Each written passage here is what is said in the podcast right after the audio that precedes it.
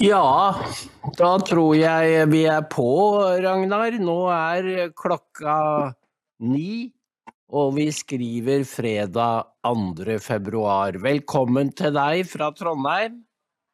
Takk for det. Vi har uh, omrokert litt på morgenen, uh, men det går sikkert bra, fordi du er veldig lett å, å prate med og, og greie på veldig mye. Du um, du sier at du var Du så på Debatten i går. Da var jeg i Asker og var med og stifta lokallag der. Kan ikke du fortelle hva det var debatten handlet om? Ja, Debatten på, på NRK fjernsynet i går kveld var viet et initiativ som enkelte damer i næringslivet har tatt. Hvor man da appellerer til norske myndigheter om å gjøre mer for å skape fred eh, i Gaza. Eh, men eh, det de hele tiden retter skytset sitt mot, det er altså for det første at de er misfornøyd med at regjeringen og Stortinget ikke gjør mer. Eh, hva de skal ha gjort, var de mer uklare på. Og for det annet så er det hele tiden Israel som da får gjøres ansvarlig for, for krigføringen på, på Gazastripen. Men det, de glemmer jo å rette skytset sitt mot Hamas, for det var jo de som startet. Her snur man eh, hele problemstillingen 180 grader. altså Den som da var offer for Hamas-terroren, de blir nå gjort til overgrip. Ja, Det er jo så galt som det kan få mm. blitt. For den dagen Hamas strekker våpen og gir seg, og aksepterer at Israel er kommet for å bli, ja, den dagen blir det jo fred. Men det er jo det som er problemet. De gjør jo ikke det. Mm. Det er hele saken. Og, og Israel driver jo en, en, en forsvarskrig fordi at eh, de må ta ut de mulighetene som Hamas har for å fortsette krigen og komme med nye eh, angrep på, på, på Israel. Og Det er jo ikke noe nytt dette at man da bomber fiendens uh, uh, baser. Vi, vi, vi, var uh, utsatt for det også i, i, Norge under krigen. Den 24.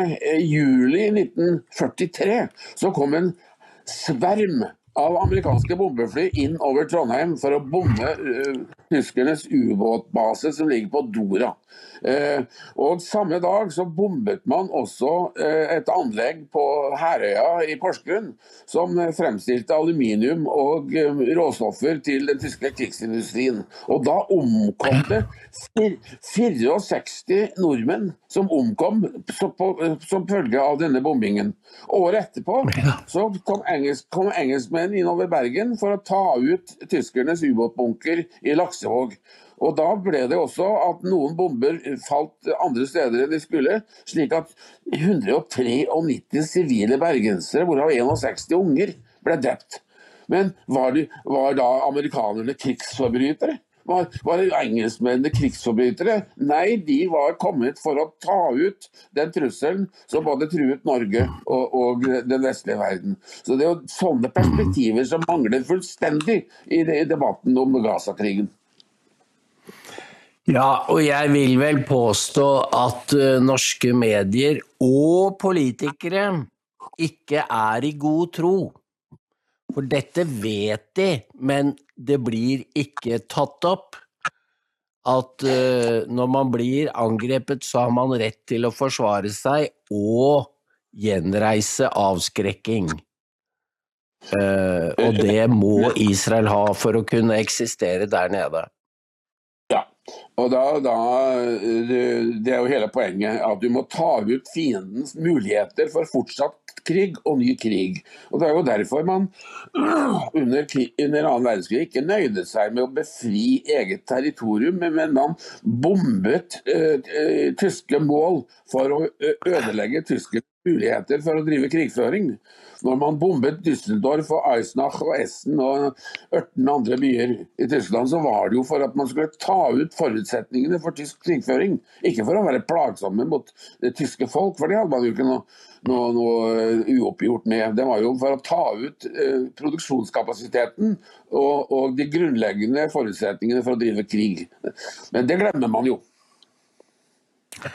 Det er jo flere som fisker i rørt vann her, og en av de verste er jo vår egen utenriksminister, som driver og flørter med, med eh, Hamas og, og palestinsk eh, stat nesten daglig.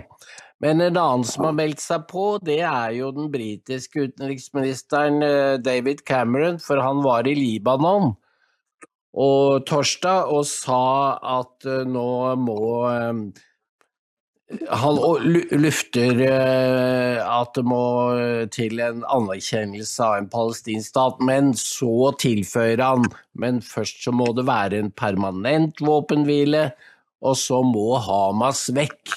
Og det er, det er et premiss som Barth Eide ikke stiller, eh, Ragnar, for de sier at eh, nei, Hamas og PLO må komme til enighet om å administrere eller styre sammen. Så vidt jeg har oppfattet. De sier ikke at Hamas må vekk, for det ville være Nei. Og det forteller alt om hva Barth Eide egentlig står for. Ja, han, han, om, han, omtalte jo tidligere eh, at, at omtalte han Israel som våre venner. Og det er jo en vits, for han, ja, eh, eh, Israel er ikke blant vennene til, til, Barth, til Barth Eide. Han er helt ensidig for, for Hamas. Og nå har jo snart en 12-14-15 demokratiske land i den vestlige verden sagt at vi eh, kutter støtten til hjelpeorganisasjonen eh, UNRWA, som er for å hjelpe palestinske flyktninger. Men Norge skal ikke gjøre det. Og det røper jo alt. Finland gjør det, Tyskland, England, Amerika, USA, Italia osv. Ja. Så det viser jo hvor, eh, hvor eh, den norske utenriksministeren har sitt hjerte. Ja, det er. Ja, ja, ja. Eh, det virker nesten som de har gjenopplivet eh, den gamle enhetsfronten fra 60-70-tallet, som jo var en kommunistisk oppfinnelse. Eh, for Barth Eide oppfører seg som om det er en solidaritetsfront for palestinerne. Og da er jo Israel har en overmakt, og de må da tas ned og svekkes. Det er jo, De sier jo nesten det rett ut. Ja da, det, det, det, det gjør de. Og så er det en annen side vet du, denne organisasjonen eh, UN RWA den, den, har jo nå holdt på i 70 år. Og, og, og flyktningstatusen den går jo i arv. Nå snakker man jo om ikke bare de som uh, dro fra uh, nåværende Israel da Israel ble dannet i 1948 og, og fikk status som flyktninger. Nei, nå er det jo flyktninger uh, den går jo i arv, den. den nå, nå, er det jo fjerde generasjon og femte generasjon som jo også får status som flyktninger. Og spørsmålet er jo skal eh, den vestlige verden fø på millioner av såkalte flyktninger til evig tid? Eh, når man har så store problemer med å, med å brødfø sin egen befolkning. Så de, så de, må jo mm. også kunne ta ansvar for sitt eget liv. Ja. Og så fikk man ja, og Så fikk man jo på Gazastripen, da israelerne eh, forlot Gazastripen for en 20 års tid siden, eh, så ble det jo gjennomført eh, egentlig frie valg eh, blant eh, palestinaraberne der. Og de valgte altså Hamas, og nå ser du resultatet. Ja. Mm. Så, ja. så, så, så man Det er FN fungerer jo som Nav-kontor for palestinerne, sånn at de kan uh, fortsette å få unger og bli eh, flere og flere. Jeg tror gjennomsnittet på Gaza er åtte barn. Og det er klart, eh, da, da, blir det fort millioner av det, og det fins det ikke eksistensgrunnlag for. I hvert fall ikke hvis du bruker pengene på å bygge tunneler og, og raketter. Og det er det Hamas har gjort. Men du hører ikke noe kritikk av dette i norske medier. Det er kun offertenkning. Kun offerapologi. Eh, ja.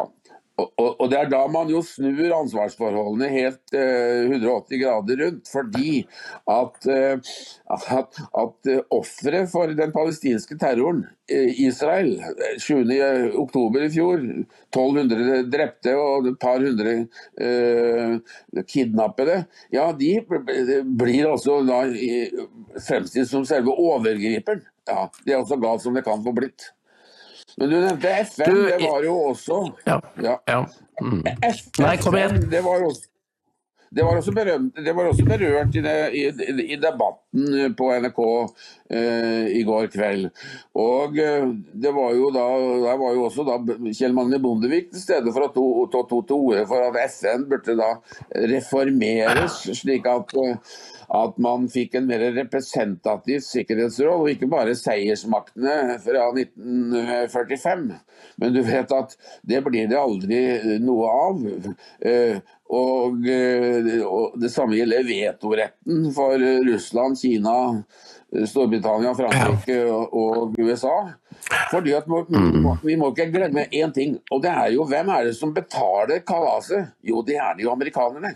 Fordi fordelingsnøkkelen for for, for uh, å finansiere FN den ble jo fastlagt i 1945, og den gangen var jo USA en enerådende stor, økonomisk stormakt også, i tillegg til å være mi militært. Og det ble en, Den fordelingsmøkken mm. har de beholdt. slik at de nye statene som er kommet til, de betyr ingenting. Nei, Mens da amerikanerne tar hele kaka. Og hva er det amerikanerne får igjen for det? De får igjen bare kjeft. Altså, helt Det er betalinga. Ja vel. Så Bondevik han er eh, han, han, har jeg ikke sansen for uh, eh, lenger. Eller mindre og mindre sans for. Han tar penger fra Saudi-Arabia og, og uh, vil gjerne fremstå med englevinger, men han, jeg syns han er ganske sleip, egentlig. Uh, for hvem, hvems ja. Magne Bodø er jo også ordinert prest i Den norske kirke, og det er jo prestemangel i Norge, så kanskje han burde gå inn i menighetsarbeidet og, og, og bli, bli, bli menighetsprest for å spre forvirring på det politiske feltet. Ja. ja. Du, jeg har men, men, Espen Barth Eide er jo selvfølgelig ikke uvitende om at han preker for et hjemmepublikum. Fordi nå har eh, muslimske ungdommer gjort karriere akademisk. Og de forlanger ikke bare å bli hørt, men de, de lar seg jo inspirere av sånne som Barth Eide til å kreve til en moralsk gjennomslagskraft. De føler de har rett på å bli at Gaza skal bli hørt. Og da er det en, en eh, artikkel i Krono, dette, denne nettavisen for akademia i Norge, skrevet av eh, Amna Mahmoud, stipendiat i religionsvitenskap, og blant initiativtakerne for opprop for akademisk boikott av Israel ved UiO, og samfunnsgeograf og journalist Nintu Para Paramallingam. Paramalingam. Uh, disse to og skal du høre tittelen på artikkelen, og den får det til å gå kaldt nedover ryggen på meg, fordi israelske universiteter er ikke i gåseøyne sivile. Og de bruker da argumentet om pågående folkemord som eh, argument for at norske universiteter må boikotte Israel. Altså, de ønsker å gjøre De går full Sør-Afrika, vil gjøre Israel til pariastat. Og det er de nye Det er de nye nordmenn nye norske borgere som eh, er så kneisende og triumferende. De stikker ikke sitt lys under en skjeppe, og Espen Barth Eide er etter hvert avhengig av deres stemmer, akkurat som Biden i USA, og så driver han og lefler med dem, for det er jo det han gjør. Han lefler med disse stemmene, så det skal bli veldig De får jo et tak på han, da. Og de krever at eh, han, eller at norske myndigheter, innfrir og oppfører seg i henhold til eh, propagandaen. De må jo forstå at det har konsekvenser når du begynner å lefle med islamister.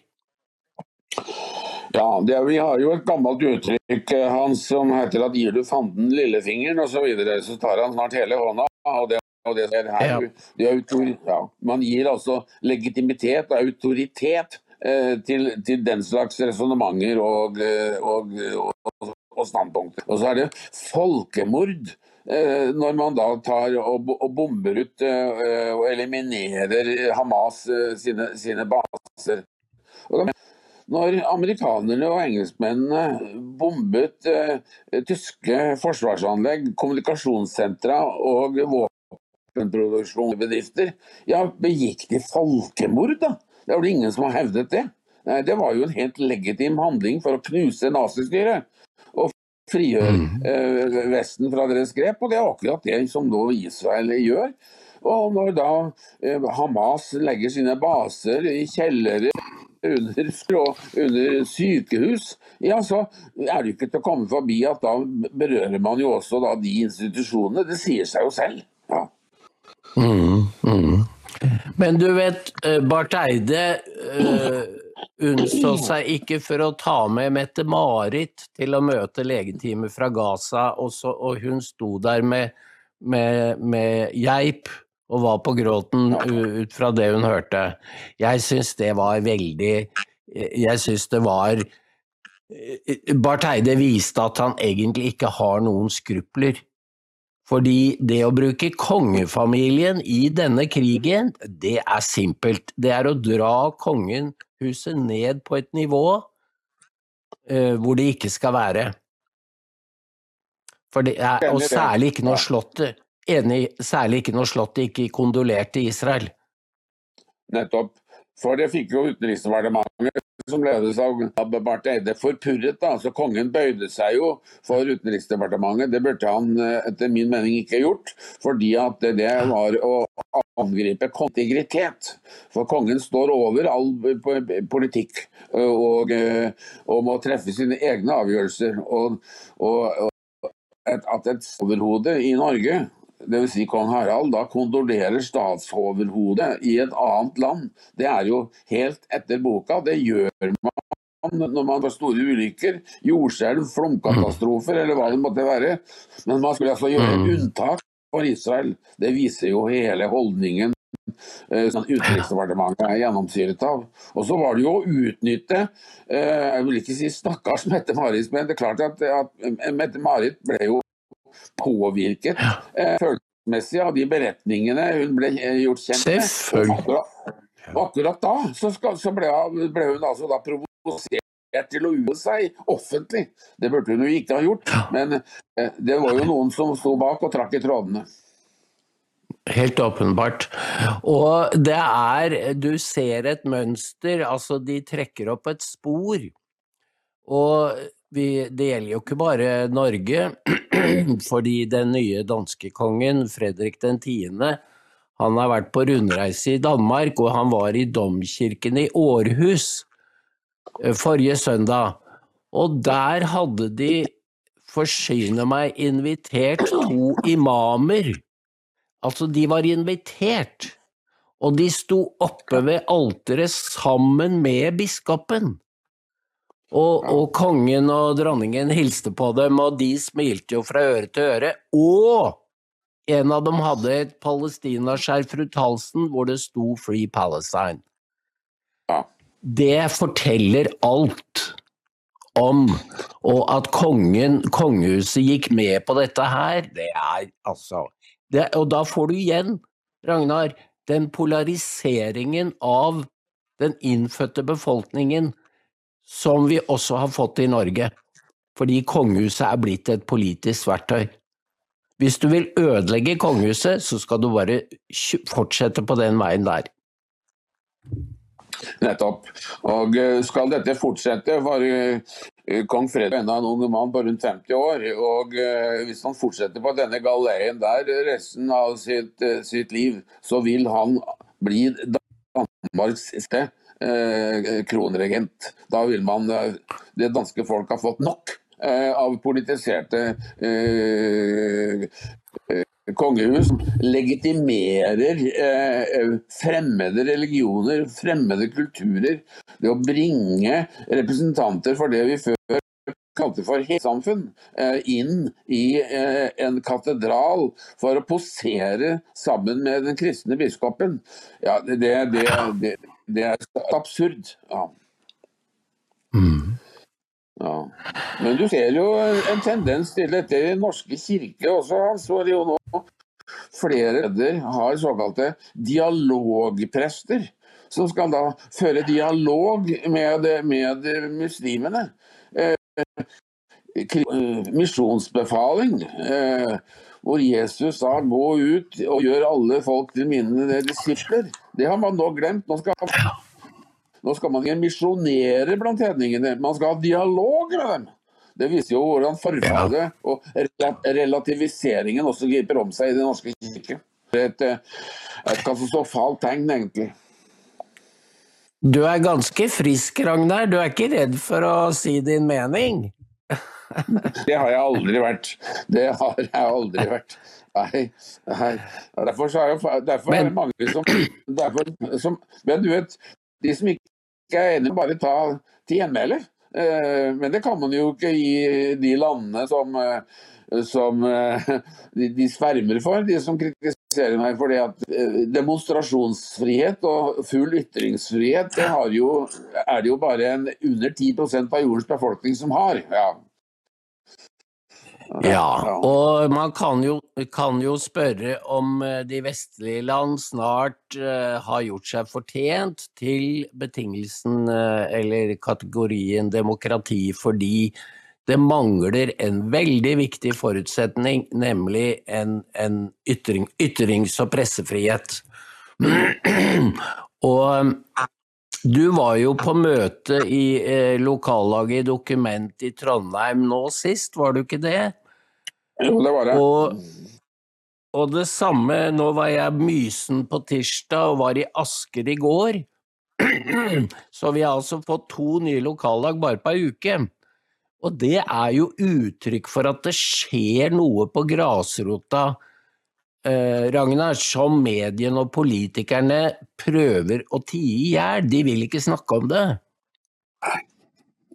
Det er helt rett, det er helt rett fordi at eh, dokument som nå er i ferd med å utvikle seg til en, til en bevegelse av, av, annerledes tenkende. De som ikke godtar og kjøper de korrekte betraktningene. Det, det er jo bare et dokument som er eh, si, et reelt alternativ til eh, politisk korrekte pressen, fordi at de er jo, eh, de er jo skåret over den, den, den samme, samme lest. Og, og her i byen så har vi jo en eh, eldste avis som fortsatt utkommer. Den ble grunnlagt på 1770-tallet. Eh, Adresseavisen, som i sin formålsbestemmelse eh, Adresseavisen AS har som formål å utgi, utgi et konservativt blad. Men i virkeligheten så er jo avisen blitt et organ for venstresiden i, i politikken. Så det, Man seiler jo under falsk flagg, og det gjør jo Aftenposten og det gjør jo en rekke andre aviser også. De har hjertet sitt til venstre, men foregir seg å ha en konservativ formålsparagraf. Men i virkeligheten er det jo bare er, er det nå snart dokument som er et, egentlig et, et, et konservativt forankret medium. Men når var det du som har levd et langt liv og vært pressemann i de fleste av dem, når var det dette skiftet? Vi har jo hørt mye om partiaviser osv., men når var det avisene ble hva skal jeg si, lukket rykket seg og ble så ideologisk konforme som de er i dag. Når var det det skjedde? Nei, Det skjedde for en mannsalder siden, jeg vil si sånn rundt 1980-1990. For da fikk du også akademikerne som, som rykket inn i, i, i redaksjonene. I dag så får du jo ikke jobb i en avis med mindre du har en master i, i journalistikk. I, I, min tid så rekrutterte vi jo medarbeidere som hadde forut evnene. De behøver ikke nødvendigvis ha eksamene, men de hadde evnene. De var sans for journalistikk. Var nysgjerrige av profesjon. Hadde god formidlingsevne. Og godt språklig. Det var jo kriteriene. I dag så, så har de mastergrad, men i mange tilfeller er det også det eneste de har. Ja, fordi på universitetene så sugde de da næring fra lærere og lærebøker som var venstreorienterte. Og så kom de ut og trodde de var og hadde så stor selvtillit. Dette er jo det samme som har skjedd i USA, Ragnar? Ja, absolutt. Og det, og det, er jo noe av forklaringen på den politiske situasjonen i USA. Det er jo radikaliseringen av universitetene, og dermed også etter hvert for, for mediene. Så oppslutningen om, om Trump det er jo ikke bare en tilslutning til hans politikk, men det er også en protest imot den retningen som demokratene etter hvert har. Så det må vi ha klart for oss. Så den frie presse, vet du. Ja. ja. ja. Jeg skal bare gi et lite eksempel på hvor, hvor ille, hvor radikale demokratene er blitt. Og dette får du ikke vite av norske medier, fordi de vil ikke at vi skal vite det. I natt var det avstemning om en lov som fører til automatisk utvisning av illegale, illegale altså, som uh, kjører i hjel folk i fylla. Og det for det har vært veldig mange Ja, du skulle tro det var en opplagt sak. Og det ble flertall for det i, i Representantenes hus. Men det var bare 50 demokrater som stemte for, med republikanerne, og 150 stemte imot. Ja. Det er Da er du så ideologisk sementert at du, du, du tar ikke menneskelig hensyn lenger. Nei, det er, det, er, det, er, det er, riktig. Og Utgangspunktet for dette er jo da universitetene, som har fått eh, venstrevridde ledere, professorer, og som også da nekter plattform eh, Eh, for, for, de som har avvikende mening, altså no platforming. De skal ikke ta noe talerstol, de som mener noe annet enn ytterliggående eh, radiser. Eh, men nå leste jeg eh, at nå er det i ferd med å skje en motbevegelse også der, altså hvor universitetsrektorer som mener dette blir avsatt, og de forsøker å rydde litt opp, men det er jo et kolossalt arbeid å rydde opp i, da. Det er det. Men eh, det, de norske, altså det norske samfunn må ha medier som er uh, nysgjerrige. Altså det å være journalist. Uh, for det merka jeg at du har Du må ha teft, og så må du ha nysgjerrighet. Du må være nysgjerrig på virkeligheten. Og så må du Dette er litt som en kriminaletterforskning og så dukker det opp ulik informasjon, og så setter du det sammen til et bilde. Og dette er eh, leserne med på, for de syns også det er spennende å avsløre virkeligheten. Men, men du vet, det, mediene i dag de har svarene på forhånd, eh, Ragnar. Ja. Og så blir det, det, er, det er... dørgende kjedelig. Nettopp. Og dette har jo denne rekrutteringen til mediene i dag, hvor du da, som jeg pleier å si, altså de har mastergrad, men det er også alt de har. Eh, før så, så, så, var det, så var det annerledes. Da jeg var redaktør i Bodø for 40 år siden, så rekrutterte jeg flere, eh, nesten fra gata, kan du si. Eh, jeg fikk henvendelser fra, fra unge menn eh, som gjerne ville bli journalister, og da sa jeg at her har du en bok som heter 'Innføring i journalistikk' på 200 sider. Les den, og så kommer du tilbake om to uker. Og det gjorde de. Og så fatta jeg interesse for dem. Uh, og så satte de på enkle oppgaver på kveldstid, f.eks. å dekke møter, og lage enklere intervjuer. Og da så jeg jo at, uh, at de hadde tilslag, som jeg pleier å kalle det. God formidlingsevne, gode språk. Og en av dem som jeg rekrutterte på, det, på den måten, han endte opp som nyhetsanker i, uh, i Dagsrevyen. Han, dessverre så døde han altfor tidlig. Han het for Knut Olsen. Den, han rekrutterte jeg som han var verkstedarbeider eh, på Bodø Mekaniske Verksted og reparerte skip eh, den gangen. Og eh, så rekrutterte jeg en tilsvarende en drosjesjåfør, som var akkurat det samme. Som jeg tilbød Eh, gjorde den samme prosedyren. De ble satt i enkle oppgaver for å se om de dugde. og det, det, du vet, Et trenet redaktørøye ser jo det med en gang, om du har forutsetninger eller ikke. Det jeg kaller for tilslag, altså et uttrykk fra fotballen. Eh, og Vedkommende fikk et vikariat, og senere ble fast ansatt. og Han jobb, endte opp eh, i NRKs stortingsredaksjon. Ja. Så han, rett fra gata. Ja. Han, var, han var drosjesjåfør først. ja. Så du må, du må, drive talentjakt blant folk som ikke har, som ikke har uh, mastergrad, er poenget. Mm. Men du vet at uh, den, hvis man uh, lurer på om det er mulig å gjøre noe tilsvarende i dag, ta f.eks. lærere de tør jo ikke si sin mening lenger. Altså, i de yrkene hvor du, hvor du lever av formidling, formidling, eller som er, det er en del av jobben, så er folk fra de er i barnehagen eh, opplært til ikke å si hva de egentlig mener. Og hvordan skal vi da finne journalister, Ragnar, som har formidlingsevne og tør å sjekke virkeligheten for hva den er? Ja, det er, eh, det er ingen enkel, enkel, enkel, enkel, sak. Men i mine mange redaktørår så ansatte jeg eh, flere eh, lærere som, eh, som, journalister, og de ble dy meget dyktige medarbeidere. For lærerutdanningen den favner vidt. Det er kunnskapsrike mm. og, og, en god mm. grunnutdanning uh, for så mangt. Men så må de selvfølgelig ha formidlingsevnen. Og så må de være sos sosiale i den forstand at de ikke må være redd for å snakke med folk.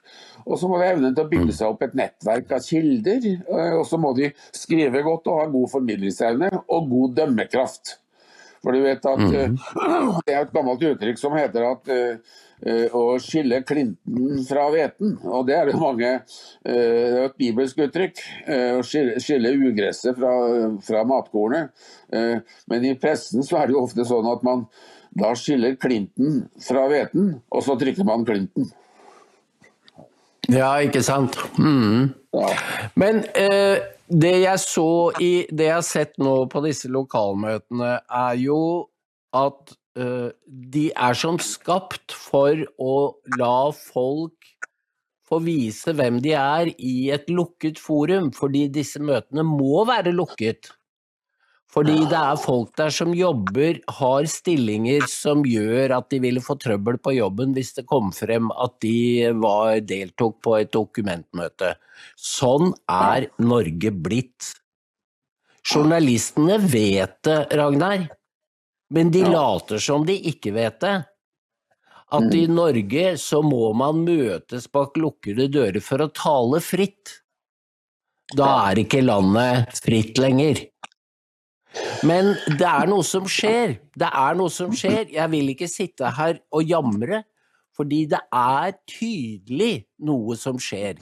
Når vi fikk 20 lokallag på bare et år, så er det uttrykk for noe som skjer. Og jeg tror mediene er redde for De er blitt redde for sitt eget publikum. Ja. Det, det tror jeg, fordi dette er et fenomen dette er et fenomen som de ikke klarer å plassere, Fordi de vil gjerne operere med en sånn veldig enkel høyre-venstre-akse, eller Trump osv., altså det som er utafor. Men dette er jo, hvis du kommer på disse møtene, og det vet jo du, det har du gjort, det er solide samfunnsborgere. Ja. Visst er det det. Visst er det det. Og som lengter etter et forum hvor man kan snakke fritt og snakke i fortrolighet. For hvis du, hvis du ytrer deg offentlig om dette, så vil du få represalier. Du blir hengt ut og blir uh, beskyldt uh, og, får et belastet om, om, omdømme, med mindre du bare uttrykker de politisk korrekte betraktningene. Så det skjer noe på grunnplanet uh, blant folk flest. for som, eh, som, jo det etableringen av lokalforeningene i eh, dokument er et uttrykk eh, for. De, de ønskes velkommen til, å, til, et forum hvor de kan snakke fritt og gi uttrykk for sine meninger. Og dette griper om seg. Det ser vi jo hvordan utviklingen er for dokument. Og du ser det ute i Europa også, Hans, hvor, ja. Eh, hvor folk, folk, gjør opprør. Alt ifra eh, bønder som eh, som tar traktoren og sperrer trafikken fordi folk blir, blir utarmet av vannstyret. Eh, for de ledes av folk som eh, ikke vil folket vel. og Derfor så, har de også fått et opprør i, i, i, i Nederland, i, Frankrike, i, Tyskland, i Italia. Eh, I Finland f.eks., hvor sosialdemokratenes presidentkandidat i Finland fikk 5-6 eh, av stemmene da det var presidentvalg i første runde her eh, for en uke eller to siden. Det viser igjen at det skjer noe på grasrota. Ja, det gjør det.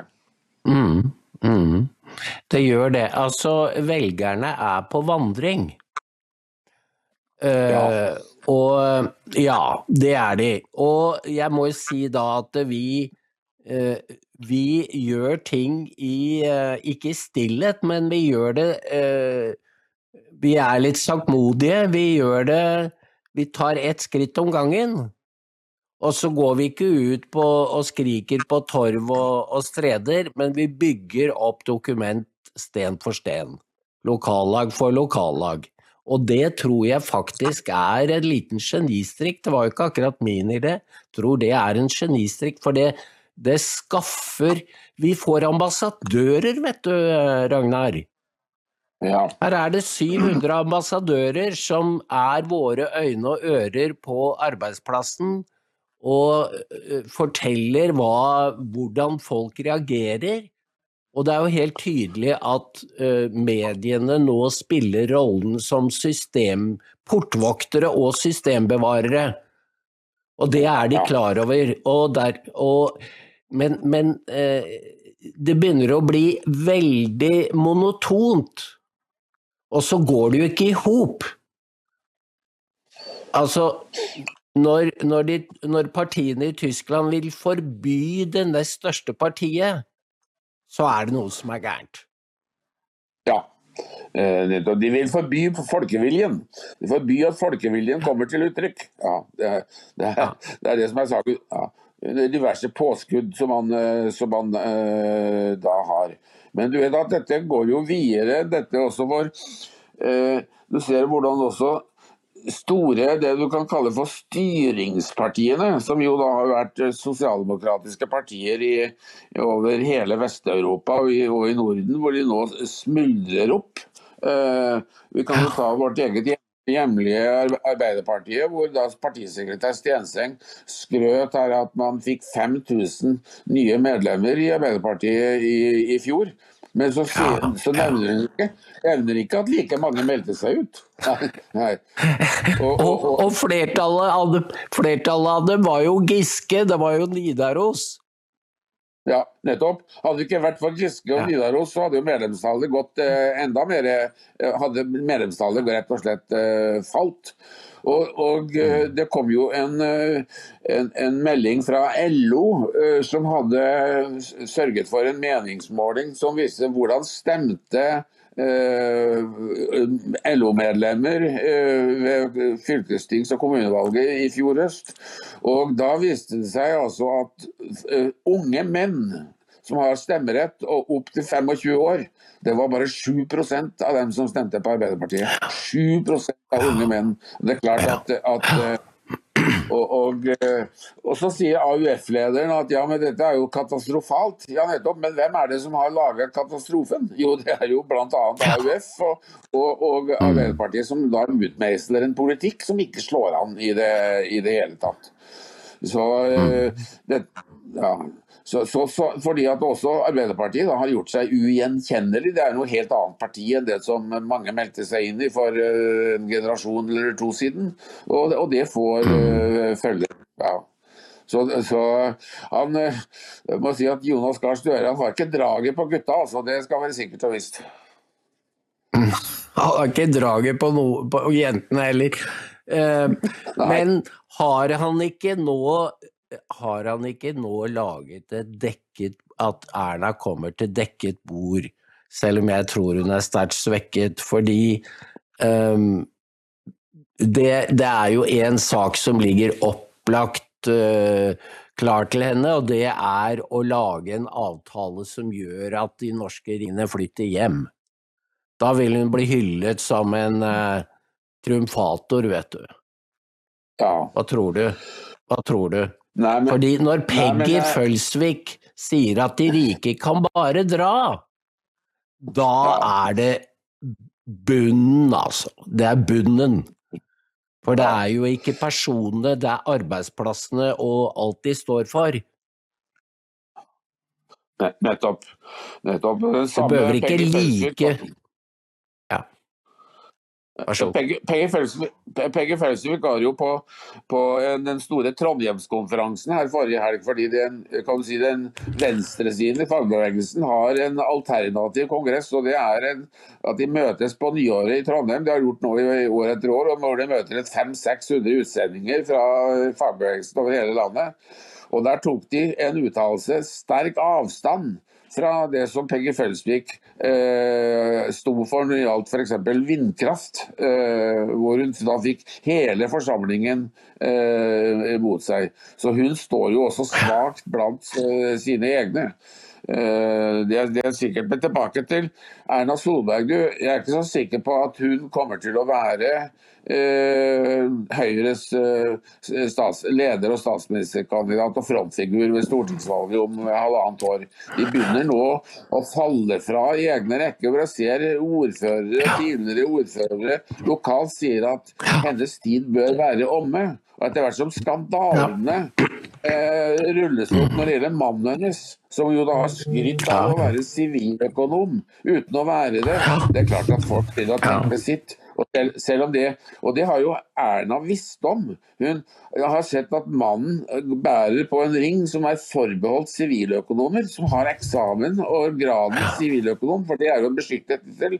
Så han har fått tak i en ring, antagelig fra et dødsbo eller et eller annet, og går rundt med. Og pynter seg med lånte fjær. Det er klart at dette bidrar til å trekke ned omdømmet også til Erna Solberg. Så jeg tipper ja. at den som vil fronte Høyre ved stortingsvalget om halvannet år, hun heter Ine Eriksen. Ja. ja. Det tror jeg. Det er jeg enig i. Og hun har, hun har ett hovedpoeng, og det er at, eller hovedsak at Norge skal inn i EU. Ja. Um, det er hennes hovedsak. Uh, hvis hun da kan vise uh, sin uh, storhet ved å få de rike hjem, så vil jo det være Da vil hun slå to fluer i ett smekk ved å vise at hun har eh, Hun får til noe. Og fordi det som etter hvert har vist seg, er jo at hva er det Hva er Støres prosjekt? Hva er det han vil? Han vil jo ingenting. Hans eneste prosjekt er å holde seg selv ved makten, og sånn har det nå vært, uh, vært, vært lenge. Hvis du ser tilbake i historien, så kan du si at at, at Gerhardsen, Per Borten, uh, Trygve Bratteli, Kåre Willoch de hadde sine prosjekter. Uh, men det har man jo ikke hatt i de, i, de, senere tiårene. Prosjektet er å holde seg selv ved makten og holde rivalene borte fra makten. Det er det. det, det, er det. For som den svenske sosialdemokratiske ideologen for 100 år siden, Ernst Wigfors, en gang sa det at det er ikke sikkert vi får utretta så mye i regjeringsposisjon, for den gangen var ikke Sosialdemokratene hadde ikke flertall i Riksdagen. Det er ikke sikkert vi får utrettet så mye, men vi forhindrer at, andre, at våre opponenter gjør ugagn. Uh, og Sånn er det jo også i, mm. i Norge. Ja, ja. Det, det, er det. Men det er jo interessant å se at du har hatt en viss ordveksling på borgerlig side, hvor jo nå Olaug Bollestad, KrF-lederen, har gått ut og sagt at eh, KrFs kandidat til å bli ny statsminister, det er Erna Solberg. Men i Venstre og Kristelig Folkeparti sier de ikke det. Nei, de sier ikke det. De er helt tause om det. For de er ikke så sikre på at, eh, at, Solberg, at Solberg vil være kandidaten, og at den, den de, de selv eh, ønsker. Og så er det jo ikke på mm. talefot. Avisen, avisen Vårt Land eh, hadde en artikkel eh, forleden dag om at det er isfront på toppnivå mellom f.eks. Venstre og Kristelig Folkeparti, de som var nære venner før. Begge var såkalte sentrumspartier som ikke er på talefot. Det er, eh, det er ingen, ingen, kontakt mellom dem. så de heiser hver sin vesle fane og håper på det beste. Men noe samspill er det ikke. Mm. Mm. Men du vet, eh, Venstre har nå valgt side og, og blitt eh, akkurat som radikale Venstre i Danmark og Senteren i Sverige. De er sterkt innvandringsvennlige. De er mot Israel. Venstre stemte jo sammen, eller går jo inn for anerkjennelse sammen med MDG, SV og Rødt. Ja. Uh, og da er det klart at da blir det isfront i forhold til KrF i en sånn hjertesak. Helt, helt, helt, klart. Venstre er jo blitt en slags uh, samlingspunkt for politiske løsgjengere. Uh, for de, de, finner alltid et som de, i Venstre som de kan klamre seg til. For de har så mange særegenheter der at det kan være en særegenhet som passer for noen, noen og enhver. En og så er det jo blitt et parti som jo er sterkt liberalistisk, eh, og som ikke passer inn i, i, i, et, normalt partimønster i, i, det hele tatt. Eh, og, og, de har mange saker hvor de er på kollisjonskurs, både med Høyre og, og Kristelig Folkeparti og, og, og, Fremskrittspartiet. Så skal de lage en ny regjeringsplattform, eh, så så blir det ingen enkel sak. Eh, det kan nok ende opp som eh, da Jonas Gahr Støre og, Slagsvold Vedum skulle eh, lage en plattform og, og, trodde de skulle få med seg SV. Altså at du kanskje ender opp med etter valget neste år, hvis det blir borgerlig flertall i Stortinget, at du får en borgerlig regjering som kanskje består av bare to partier, og så er resten støttekontakter i, i, i stortingssalen. Men 7 eh, Ragnar, blant unge menn, det er jo katastrofe. Og hvordan Jeg begriper ikke Støre har omgitt seg med veldig mye NOx-akter, i hvert fall i sin egen administrasjon. Kjersti Stenseng tar jeg ikke seriøst i det hele tatt. Altså, Martin Kolberg var eh, en, en, et geni sammenlignet med Kjersti Stenseng. Altså, han var en del av arbeiderbevegelsen, og det er ikke hun. Hvordan har alle disse folkene kommet inn, og de blir sittende? Dette er jo akkurat som Biden, fordi det de gjør av katastrofale ting, får ingen konsekvenser for deres eh, jobber. Det samme har nå skjedd i Arbeiderpartiet. Det er ingen resultater som fører til at hoderulling. De bare kommer Nei. med noe sånn spinn. De kommer med spinn. Nettopp. For det å være partisekretær ja, det var jo en sentral uh, rolle. Og den største av dem alle, selve legenden, uh, var jo Håkon Lie, som var partisekretær fra 19 1945 til 1969, altså i 24 år. Han var ikke bare en organisasjonsmann, et, et talent for organisasjon, men han var jo også en strateg som så partiets eh, strategiske eh, betydning og interesser. Og En som hadde noe av dette, men på ingen måte i den formatet, det var jo, som du nevnte, Martin Kolberg. Eh, som så, som hadde noe av dette, som ikke bare så seg selv som en organisator, men også strateg. Men Arbeiderpartiet mangler jo strateger eh, i, i, dag. og Derfor er jo situasjonen som den er, også er da. 7% av unge menn, og så er det noen og 20 av unge kvinner. Men hvis vi legger sammen 7 og 22 og deler på, på to, da, så blir det jo bare en 15% da. Så Det forteller jo hvor svakt mm. blant uh, de som blant uh, morgendagens uh, voksne folk. Og, og når og når Sverre skal, skal ute etter nære medarbeidere, så går han ikke til fagbevegelsen eller går til talenter på arbeidsplassene rundt omkring i landet. Det han går til McKinsey og andre rådgivningsfirmaer. Så, så man driver jo Arbeiderpartiet som et slags konsern. Ja. Det er riktig. Ja. Det sier alt. For det fins jo talenter i, i altså fagbevegelsen fortsatt. Det, det, jeg husker ikke navnet nå, men det har vært navn som har kommet opp av flinke folk, som da har eh, kommer fra gulvet. Og du må jo ha noen sånne med som tør å kalle en spade en spade. Men jeg tror de bare trekker seg ut i, i vemmelse og, og, grem, gremmer seg når de møter da disse smesta, denne smestarikingen, Uh, som uh, Han er jo ikke så flink heller som jeg trodde, Ragnar. Altså, han snakker ganske dårlig engelsk. Altså hva er det for noe med dem? det, kan du, eh, det, det, det, kan du, si. Og eh, han er god i fransk, da. Det, har jeg forstått at han, eh, at han er. Ja. Ja. Du vet, det, er ikke noe galt i å ha utdanning, og, og, vi blir en stadig mer utdannet folk. Og, og, og utdanning og kunnskap det er å bære, bære med seg. Også Einar Gerhardsen hadde jo akademikere som var medlemmer av regjeringen. Eh, men han, han lot ikke akademikere ege politikken, for de var forankret blant folk flest eh, rundt omkring i, i landet. Og det er det som nå er, er, er, er problemet her. For det er jo at, at, Hvis du ikke har mastergrad, så er det ikke noe verdt. Og Derfor så prøver de også å skaffe seg en mastergrad i en godt voksen alder, jf. Eh, statsråd Kjerkol. Ja. Hva hun skulle med mastergrad, det fatter ikke jeg, men eh, det har hun nå fått. Ja.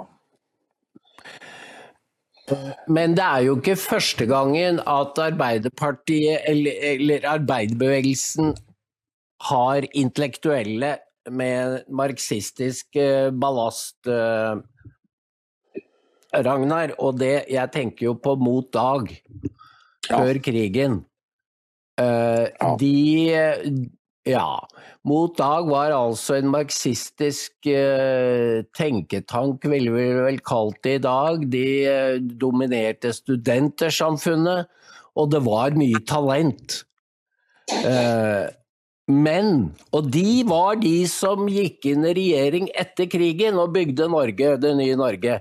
Men forskjellen på Mot Dag og ML-bevegelsen var at Mot Dag, mot dag opplevde 9. april og femårs okkupasjon. Det gjorde ikke ML-bevegelsen, for da hadde de kanskje Der var det også mye flinke folk, men da hadde resultatet blitt et annet.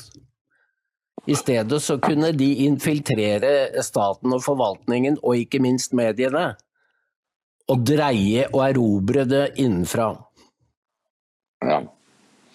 Det er, eh, det er, det er helt riktig. For krigen gjorde noe med det, det, det, norske folk. Tenk på at bitre politiske motstandere før krigen som ikke fordro hverandre, de møttes eh, på Grini, eh, fangeleiren i Bærum, og utarbeidet et fellesprogram.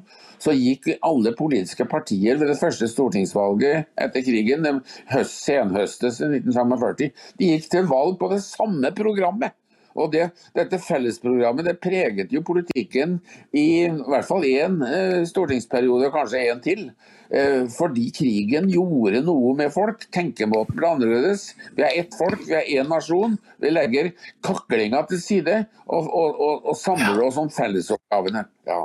Men eh, i dag er jo ikke det mulig å, å få til, fordi at eh, det er så mye ekstreme krefter som eh, preger eh, politikken.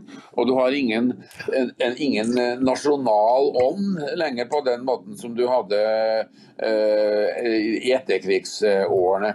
Hvor du hadde en forståelse for eh, at det måtte en, en hårhendt politikk til. Jeg er gammel nok til å huske på rasjoneringstida. Jeg skulle gå på butikken og, og kjøpe kaffe for mora mi. Ja, Som at du har rasjoneringsmerker. Ja. Og, og, og, folk fant seg i at det var appelsiner i butikken bare til jul og påske. Og på Chat Noir så hadde de en revyvise som het at 'Når det kommer en båt med bananer'.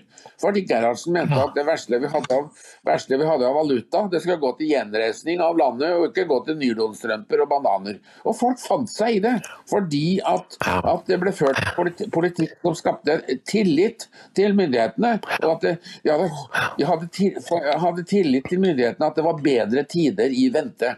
Men i dag så er jo dette helt borte. Det er jo ingen som har tillit til myndighetene om bedre tider i dag. Nei. Du, det var en, et innslag i morgennyhetene. Eh, det var nemlig en rapport om enslige mindreårige asylsøkere. Og ja. det var da de presterte å si at eh, myndighetene, eller det gjaldt jo eh, mest kommunalt, tror jeg, ikke stilte opp for dem. De, og det, hva var det de eh, manglet? Jo, de fikk kanskje det materielt brukbart, men de fikk ikke omsorg. Og mange av de led da, led da sånn posttraumatisk stressyndrom. Men eh, for det første, hvordan, hvor mye ressurser skal du sette inn da, for å eh, ta deg av dem? Eh, altså, hvor fins det noen grense? Og det andre jeg tenkte på, var, for det var ikke ett kritisk spørsmål vet du, fra hun Katrine Nybø i, Dags, i Dagsnytt, for det var bare Nei. sårbare grupper. Det var sårbare grupper, stolper opp og stolper ned. Men jeg tenkte, du, ressursene er jo ikke ubegrenset. Hvis du tar veldig mye og gir til noen, så går det utover andre, og jeg tenker da at de gamle i Norge er de som er en salderingspost? Det er, det er, helt, det er helt, riktig, det. Fordi at det er en grunn til at eh, de fleste nordmenn som er lønnstakere, de har ikke hatt reallønnsvekst på seks-sju år. Men det har jo vært produktivitetsvekst og vekst i næringslivet, vekst i verdiskapningen. Ja, hvor, hvor er veksten blitt av, da? Ja, Det som eierne ikke har tatt i utbytte, det har havna i statskassen for å drive med klimatiltak og finansiere eh, fjernkulturell eh, innvandring eh, fra voldskulturelle land. og For å fø på dem og rette opp deres, følgene av deres ugjerninger. Så Det er som, det er der verdiskapningen har havna, ikke i lommene til dem som har skapt verdiene. Du må jo si at uh, gitt, de, gitt, den uh, polariseringen av samfunnet vi ser nå, ikke minst økonomisk, så burde jo venstresiden hatt 30-40% men de har ikke det. Og det må jo være fordi de klarer ikke analysere uh, mekanismene og drivkreftene bak uh, strømprisen, energiprisene um, fordi de, jeg tror de er fanget av det grønne skiftet. De tør ikke ta noe oppgjør med det. Sånn at de kjøper argumentet om at dette er nødvendige ofre, at du må flå befolkningen for noe de selv eier. Ja. Altså, kan det bli, bli mer hårreisende? Nei, det kan ikke bli De mer tør ikke absurd si enn det. dette. Nei. Nei. Men, og, det, og nå er vi jo inne i, en inne i en årstid hvor det er fylkesårsmøter i Arbeiderpartiet. Og eh, det pleide man jo Før i tida så, eh, så pleide man jo da å synge ut eh, mot, både mot partiledelsen og andre eh, fra disse fylkesårsmøtene. Når det var årsmøte i Troms Arbeiderparti, for de var først ute tidlig i februar eh, før i tida så kom det jo alltid eh, sikkerhetspolitiske uttalelser som, eh, som var opposisjonelle og avvikende fra partiets eh, linje. Det kom aldri noen sånne uttalelser fra årsmøtet i Nordland Arbeiderparti, for der var jeg formann i redaksjonskomiteen. Og da er det meste sagt, det kom ikke noen overraskelser derfra. Men se nå utover hele landet hvor, hvor det er eh, fylkesårsmøter. Nå må jo partiets grunnplan si ifra hvor ille det er. Og, og, og kreve en ny politikk, og selv komme med forslag til en ny politikk. For ellers så ender jo dette i, i, i fortapelsen, for å bruke et religiøst uttrykk om Arbeiderpartiet. Vel talt, Ragnar. Klokka er slått ti, og jeg sier takk for innsatsen. Takk for i Takk dag. i like måte. Go ahead. Go ahead.